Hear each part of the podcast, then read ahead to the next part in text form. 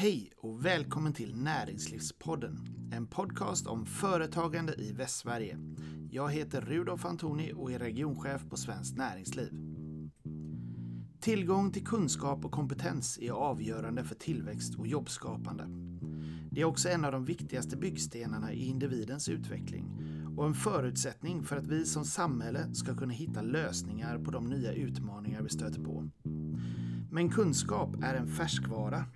Förändringar inom teknik och samhälle ställer helt nya krav och morgondagens kompetensbehov kanske inte alls ser ut som dagens. Kanske kan jag få några svar om framtid och förändring om jag söker den hos akademin.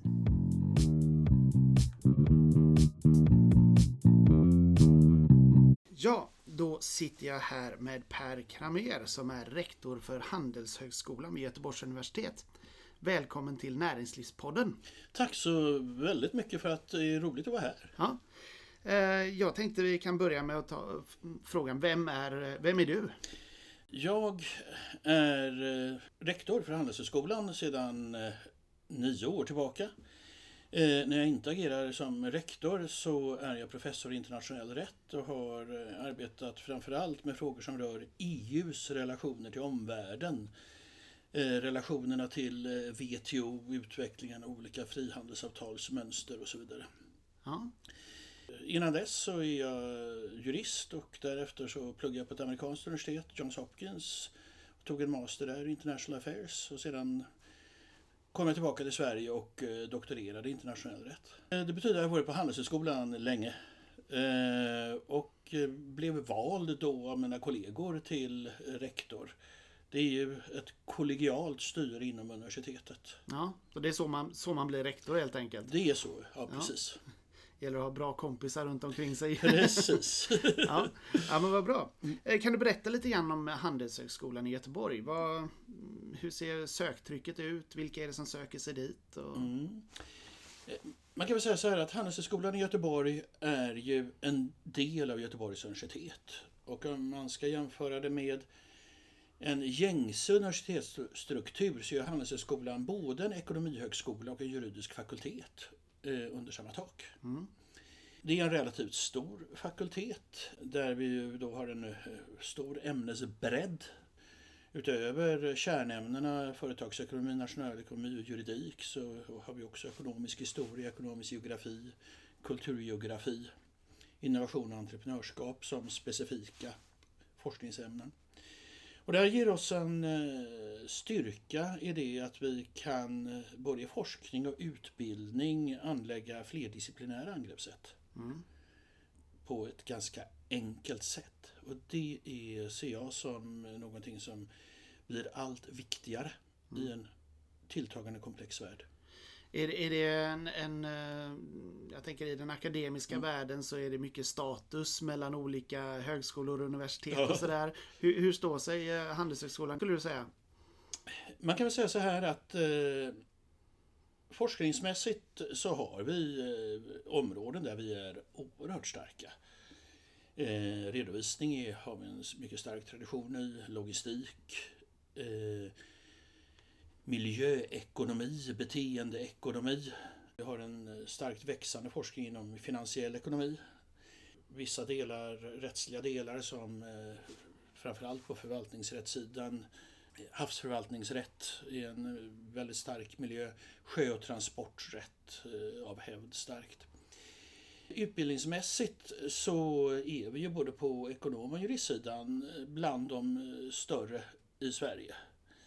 Det som gör oss lite unikt på ekonomsidan är att vi är den enda handelshögskolan i Sverige som har en så kallad Triple Crown-akkreditering. Mm. Och det innebär att vi är akkrediterade enligt de tre dominerande internationella systemen.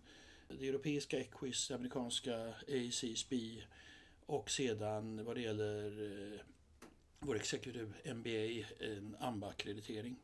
Och det här är väl ungefär 80 handelshögskolor i världen och det innebär att man kan ta med sig den utbildningen så att säga. Den är enkel ja, det, att det, man kan väl säga framförallt så är ju det här eh, någon form av eh, adelsmärke som garanterar kvalitet. Mm. Det betyder ju att vi minst vart 50 år utsätts för en omfattande extern utvärdering. Och det här är ju kvalitetsdrivande. Framförallt i och med att varje extern utvärdering föregås av en intern självutvärdering. Mm, mm. Och det betyder ju också att eh, på det viset får vi ett kvitto att vi eh, ligger väl i nivå med eh, starka universitet världen över. Det i sin tur möjliggör att vi kan eh, ingå partnerskapsavtal med starka akademiska institutioner över hela världen. Mm. Det gynnar våra studenter att eh, vi kan ha utbytesavtal med väldigt bra utländska lärosäten. Mm. Hur ser söktrycket ut? Är det många som söker sig till? Det är väldigt många som söker och det är ökande. Man kan väl säga så här att för att komma in, och det här gäller både ekonom och juristutbildning, så måste du ha betyg eh, som innebär att du har varit bland de absolut bästa klassen på gymnasiet. Mm. Eh, eller en, ett väldigt starkt resultat på högskoleprovet. Juristprogrammet som vi ger idag det mest eftersökta utbildningen vid Göteborgs universitet. Mm. Eh, och ekonomutbildningen kommer inte långt därefter. Och det här är ju eh, så att säga tunga i någon mån prestigefyllda eh, professionsutbildningar mm. som är eftersökta. Vi, vi ska prata lite grann om, om eh, framtiden mm. och, och eh, eh, där kommer de här frågorna in. Mm. Vad, vad, för utbildningar, vad för kompetenser som, som behövs i, i framtiden. Jag mm. antar att ni eh, jobbar en hel del med att försöka spana in i framtiden. Det, det är ju ni som, som skapar framtidens eh, akademiker, mm. framtidens kompetens. Mm. Så eh, hur, hur, ser, hur, ser den, eh, hur ser det ut? Framtidens ja, det här är ju, Jag skulle säga att det här är en av de största utmaningarna vi har idag. I och med att vi befinner oss så mycket i en brytningstid. En brytningstid på många sätt eh, men kanske framförallt genom nya tillämpningar av artificiell intelligens och digital teknologi. Det är en utveckling som gör att gängse organisationsformer, gängse affärsmodeller oerhört snabbt blir eh, obsoleta. Mm. Det måste antingen anpassas eller läggas ner och ersättas med nya. Eh, men det är ju inte bara det utan det betyder ju också att grundläggande principer hur vi fördelar ansvar i samhället måste omformuleras. Mm, hur menar du då? Ja, eh, det mest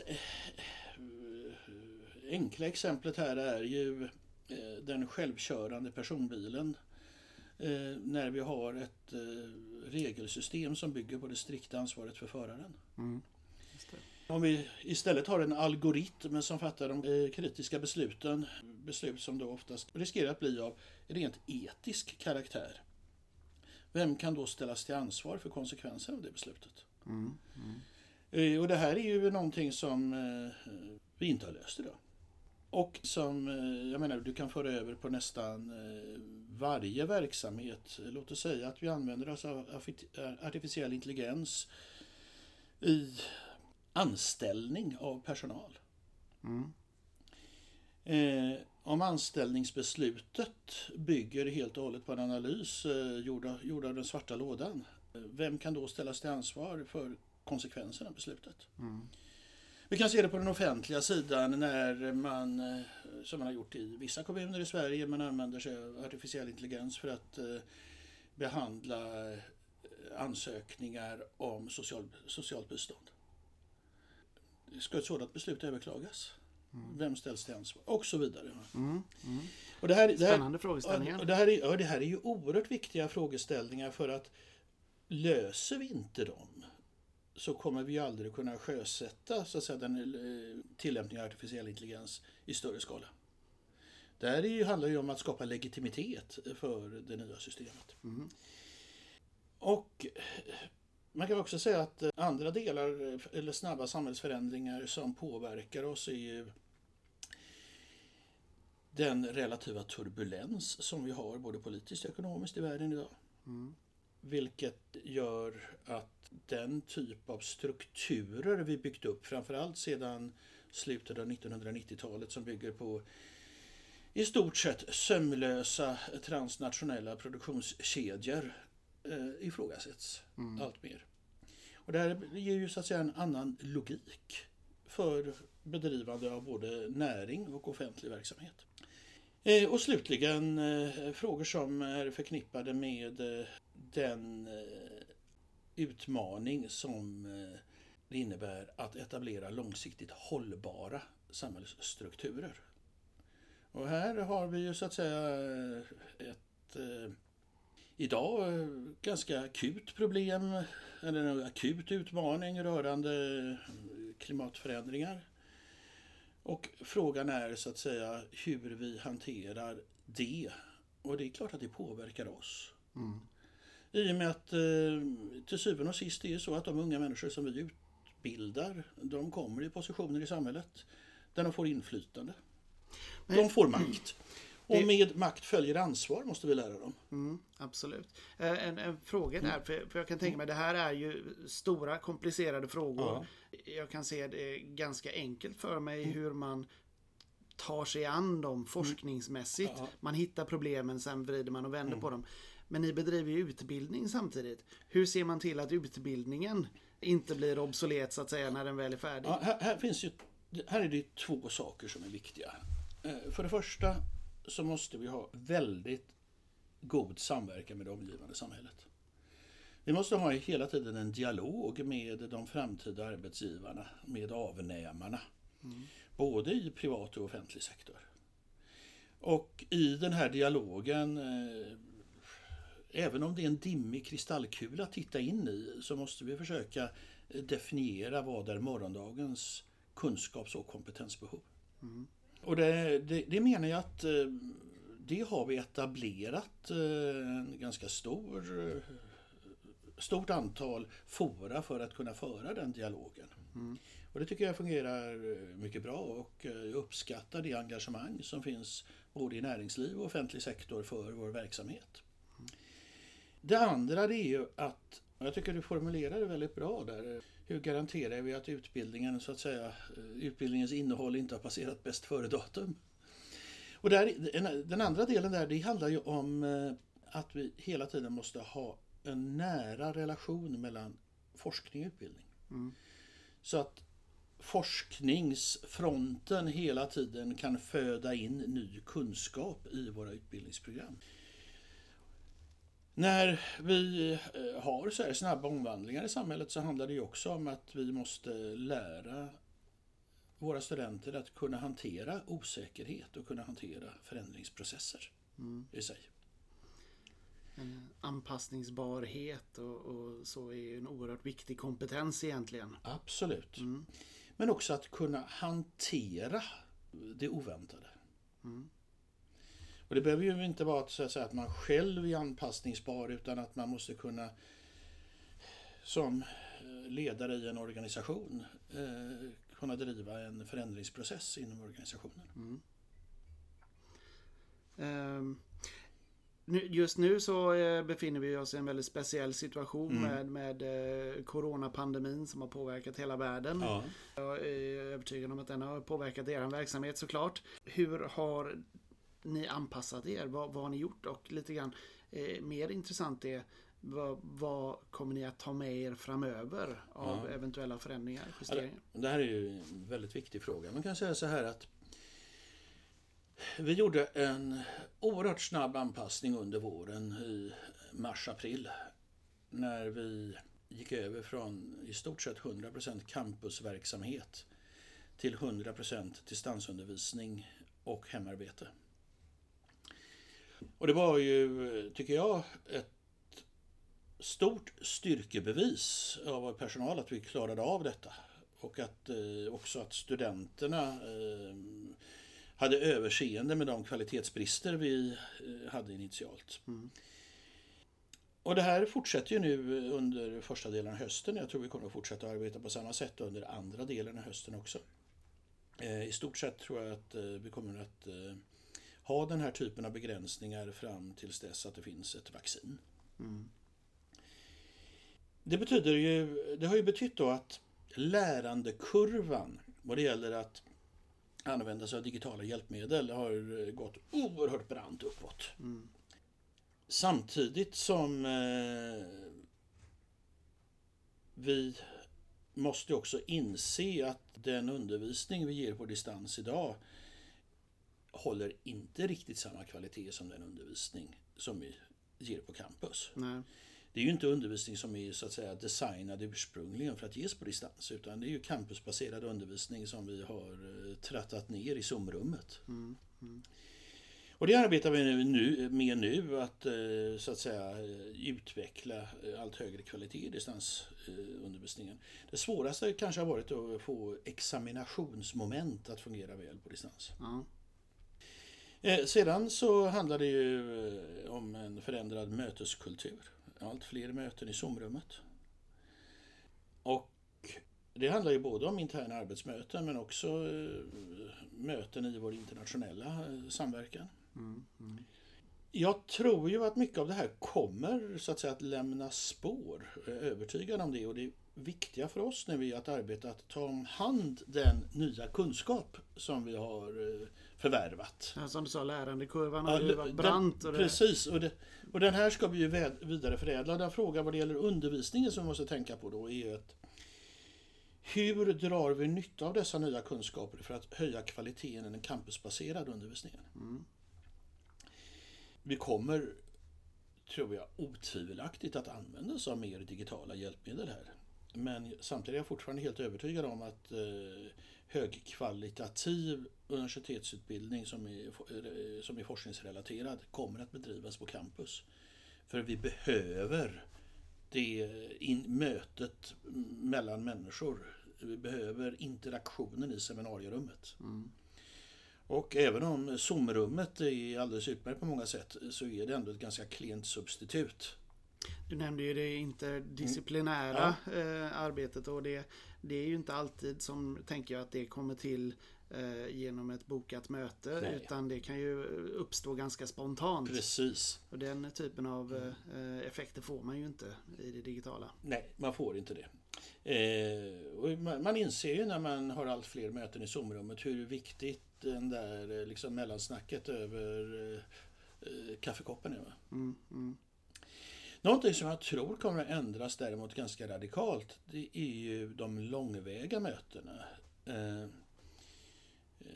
jag har ju under de senaste åren gjort liksom egentligen helt huvudlösa resor där man rest till ett möte i Shanghai och sovit över en natt och sen flugit hem igen. Mm. Det tror jag inte kommer att ske mer. Nej. Och det är ju enbart av godo. Ja. ja, och det som du säger, det, mm. det, har, ju, har ju en positiv effekt med sig såklart och mm. rent hållbarhetsmässigt. Absolut. Men eh, även eh, den egna tiden ja. man, man lägger ner. Det är ju oerhört ineffektivt att eh, Absolut. resa så som många av oss har gjort innan. Mm. Eh, sedan så tycker jag det är intressant att se hur pandemin på många sätt då har påskyndat strukturella förändringsprocesser i samhället.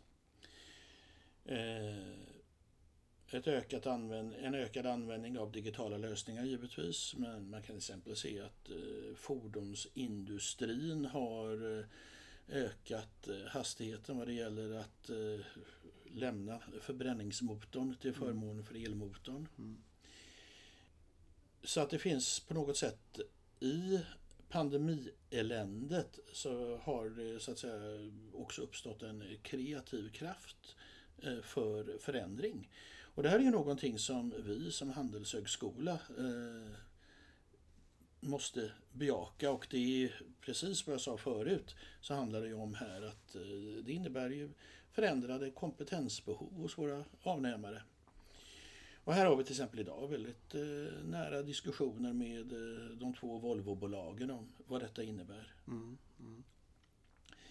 Eh, så att eh,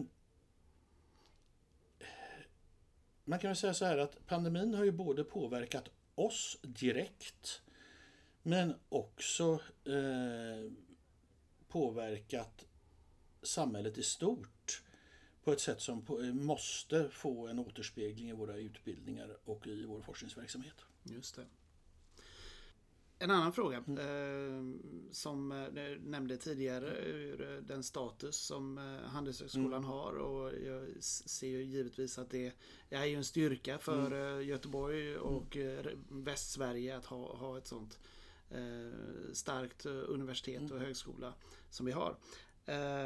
men vi ser ju också att akademiker i Västsverige och Göteborg i högre grad än andra tenderar att flytta ifrån Göteborg. Mm. Vi ser ju lite grann av en brain drain så att säga mm. från, från Göteborg. Hur, hur tror du att man skulle kunna vända den utvecklingen? Jag måste säga att jag, kan, jag har inte tillräcklig kunskap om mönstren i den här utflyttningen. Men det är väl två ganska skilda saker att vi har så att säga eh, flyttning inom Sverige till Mälardalsregionen. Eh, mycket beroende på att eh, Sverige sedan Gustav Vasa är en, en mycket centraliserad stat. Där en oerhört stor andel av de mer kvalificerade, intressanta arbetena både inom offentlig förvaltning och inom näringsliv finns i Mälardalen. Mm. Eh, sedan så finns en viss utflyttning eh, internationellt. Eh, vi har sett det historiskt, till exempel inom finansiell ekonomi där ju Frankfurt och London och eventuellt också Hongkong har dragit mycket. Men det tror jag är betydligt mindre omfattning utan det handlar i första hand om omflyttning inom Sverige. Mm. Det här är någonting som vi som handelshögskola kan påverka bara på marginalen. Vi är givetvis glada över att de eh, studenter som tar examen hos oss är konkurrenskraftiga, att de får eh, väldigt bra arbeten. Mm. Eh, samtidigt så har vi ett starkt intresse av att den här halvmiljonerstaden nära polcirkeln utvecklas på ett positivt sätt. Och jag tror ju att det finns väldigt goda förutsättningar för det. Och det handlar ju lite också om att successivt få en utveckling som också ändrar Göteborgs självidentitet. Eh, från att vara hamnstaden, logistikhubben och evenemangsstaden till att också bli kunskapsstaden Göteborg. Mm. Mm. Och här kan jag ju se eh, början på en väldigt positiv utveckling. Framförallt om vi tittar på den eh, industriella utveckling vi ser på Lindholmen. Mm. Och vi har ju lite av ett möjligheternas fönster nu i Göteborg också menar jag. Att, eh, nu är det här givetvis osäkra prognoser men eh, ska man tro BRGs sammanställningar så skulle det, kommer det ju att investeras närmare 1000 miljarder i olika typer av infrastruktur och byggnationsprojekt i Göteborg under de kommande 20 åren. Mm. Det ska byggas en ny stad i princip. Det här ger ju också möjlighet att öka attraktionskraften för Göteborg. Eh, jag skulle vilja se att man eh, på ett eh, systematiskt sätt i samarbete med akademin och alla intressenter egentligen i staden använder det här för att göra Göteborg som ett testlaboratorium för framtidens hållbara urbana miljöer. Och det är ju fullt möjligt. Mm. Eh, I och med att eh, det är en sån monumental omdaning och förnyelse av staden som ska genomföras. Så att eh, det här är ju någonting som eh, jag tror ligger mig, som jag tror eh, inte skulle innebära en lösning på det problem du nämner men det vore sorgligt om vi försatte den möjligheten till att faktiskt omdana staden mer än att vi bara ser det som att vi bygger y antal kvadratmeter kontor och x antal kvadratmeter bostad. Ja, men jobba med kvaliteterna helt enkelt. Jobba med kvaliteterna och, men och, och också tänka efter ordentligt eh, in i framtiden. Att eh, hur kan vi på det bästa möjliga tillgängliga kunskapsunderlag som eh, vi har eh, skapa en långsiktigt hållbar urban miljö. Där är ju den typen av så att säga, kunskap som en stor del av världen suktar efter idag. Och mm. låt oss använda staden här nu som ett eh, laboratorium och eh, bli en förebild. En eh, slutlig fråga. Mm. Eh, det, det, har ju myntats ett begrepp som används ganska vitt och brett nu om man talar om det livslånga lärandet. Mm. Att eh, det är en ny fas egentligen, att vi, vi behöver ha eh, ny kunskap mm. successivt under hela livet. Behovet av att lära tar aldrig slut. Mm. Eh, tror du att vi så småningom kommer se slutet på studietiden som en sammanhängande period som man sen går vidare ifrån? Eh, och hur, hur ser han, ja, högskolan och universitetets roll ut i framtiden i så fall? Jag tror det här är en väldigt viktig fråga och eh, med de demografiska förändringar vi ser och en ökad eh, medellivslängd eh, så är det givetvis så att vi måste tänka livet i flera karriärer. Och det betyder ju givetvis då också att eh, ständigt kommer att behövas en påfyllning av kunskap och kompetens. Givetvis är det så att det sker ju hela tiden livslångt lärande i professionsrollen. Man lär av sin erfarenhet. Men jag tror att det här måste kompletteras också med så att säga eh, mer av teoretisk kunskap. Det kan också vara så att eh, när vi har hastiga strukturomvandlingar som vi har just nu eh, att den kunskap man besitter, eh, om än den bygger på mycket erfarenhet, eh, blir obsolet. Eh, Eh, och måste så att säga, då krävs för individen, eh, för fortsatt eh, professionell verksamhet, så krävs det någon form av eh, ny kompetensutveckling. Mm. Man, skulle kalla, man kan ju kalla det lite vanvördigt för omskolning men det handlar ju om att så att säga ge individen möjlighet till eh, liksom ett nytt karriärsteg. Mm. Kanske till och med inom ett helt annat område än där man började. Här har universitetet ett ansvar som universiteten i min mening har varit ganska dålig på att ta. Mm. Det handlar också om hur vi bygger upp våra studiemedelssystem och liknande. Eh, studiemedelssystemen idag bygger ju på att man eh, just har en längre utbildningsperiod, mm. max 13 terminer. Och sedan ska man gå ut och vara nyttig. Ja. För att det här ska kunna fungera så krävs ju någon form av eh, studiestödssystem också i mer, för mer mogna studenter.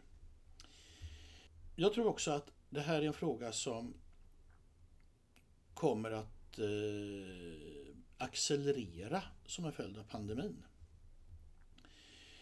Nu vidtogs en, en mängd åtgärder för att så att säga upprätthålla existerande näringslivsstrukturer när pandemin slog till, framförallt genom det omfattande permitteringsstödet. Ja.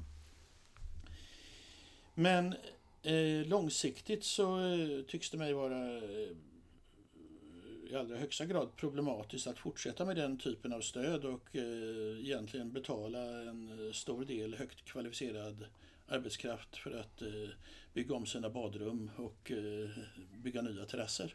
Ja. Mm. Och eh, där borde man ju istället gå in med möjlighet till vidareutbildning. Det hade ju varit ett utmärkt tillfälle att nyttja den tiden. Jag tycker definitivt. det. Ja. Det blir en investering istället. Ja, och då får man ju, och det är ur ett samhällsekonomiskt perspektiv så måste det ju vara, eh, tycker jag, en, ett rimligt motkrav. Mm. Ska, ska vi summera det hela mm. med, med, en sista fråga? Mm. Och det är vilka är de största framtidsutmaningarna du ser för högskolor och universitet i Sverige idag? Om jag ska svara väldigt kort på det eh, så tror jag att det handlar dels om att upprätthålla samhällsrelevans. Det är ju givetvis en eh, utmaning i en situation där vi har eh, väldigt snabba samhällsförändringar. Den andra stora generella utmaningen eh, som jag menar är oerhört allvarlig och som vi kanske inte har sett så mycket av i Sverige ännu men som jag kan se internationellt. Det är ju att i samhällsdebatten så har gränslinjen mellan faktauttalanden och åsikter blivit allt mer grumlig. Mm. Och det betyder ju då också att i den populistiska retoriken eh, så ifrågasätts ju eh, akademins roll. I och med att eh, man, om man talar om det sanna folkets förståelse av verkligheten, det sunda förnuftet, så den, the so called professor är ju så att säga en del av det etablissemang mm. som utgör en elit som på många sätt bedragit det sanna folket. Mm. Och det här är ju en kärna i den populistiska retoriken, det vill säga ett bildningsförakt. Och det här ser jag som problematiskt. För att vad vi får då är en relativisering av vad som är fakta. Mm. Att eh, i princip eh, den som har den bästa historien är den som talar mest sanning. Och det här är ju någonting som akademin måste stå upp emot. Eh, samtidigt då så eh, kan akademin göra det effektivt bara om den själv är oförvitlig. Mm. Och då har vi ju, eh, menar jag, eh, ett enormt arbete att städa eh, inom akademin. Jag menar till exempel att Macchiarini-affären var ju inte någonting som bara slog mot Karolinska institutet. Det slog, små, slog mot eh, hela eh, tilltron till universitet i stort i samhället. Mm. Mm. Och det här då i en tid när vi verkligen behöver kunskap för att kunna hantera de stora utmaningar vi står inför. Så här tror jag vi har en eh, väldigt stor utmaning i, över hela världen. Och det handlar om så att säga lärosätenas roll i samhället. Och vilken legitimitet de har. Det får bli slutorden. Per Kramer, Tack så väldigt mycket för att jag fick komma hit. ja, tack för att du medverkar i Näringslivspodden. Mm.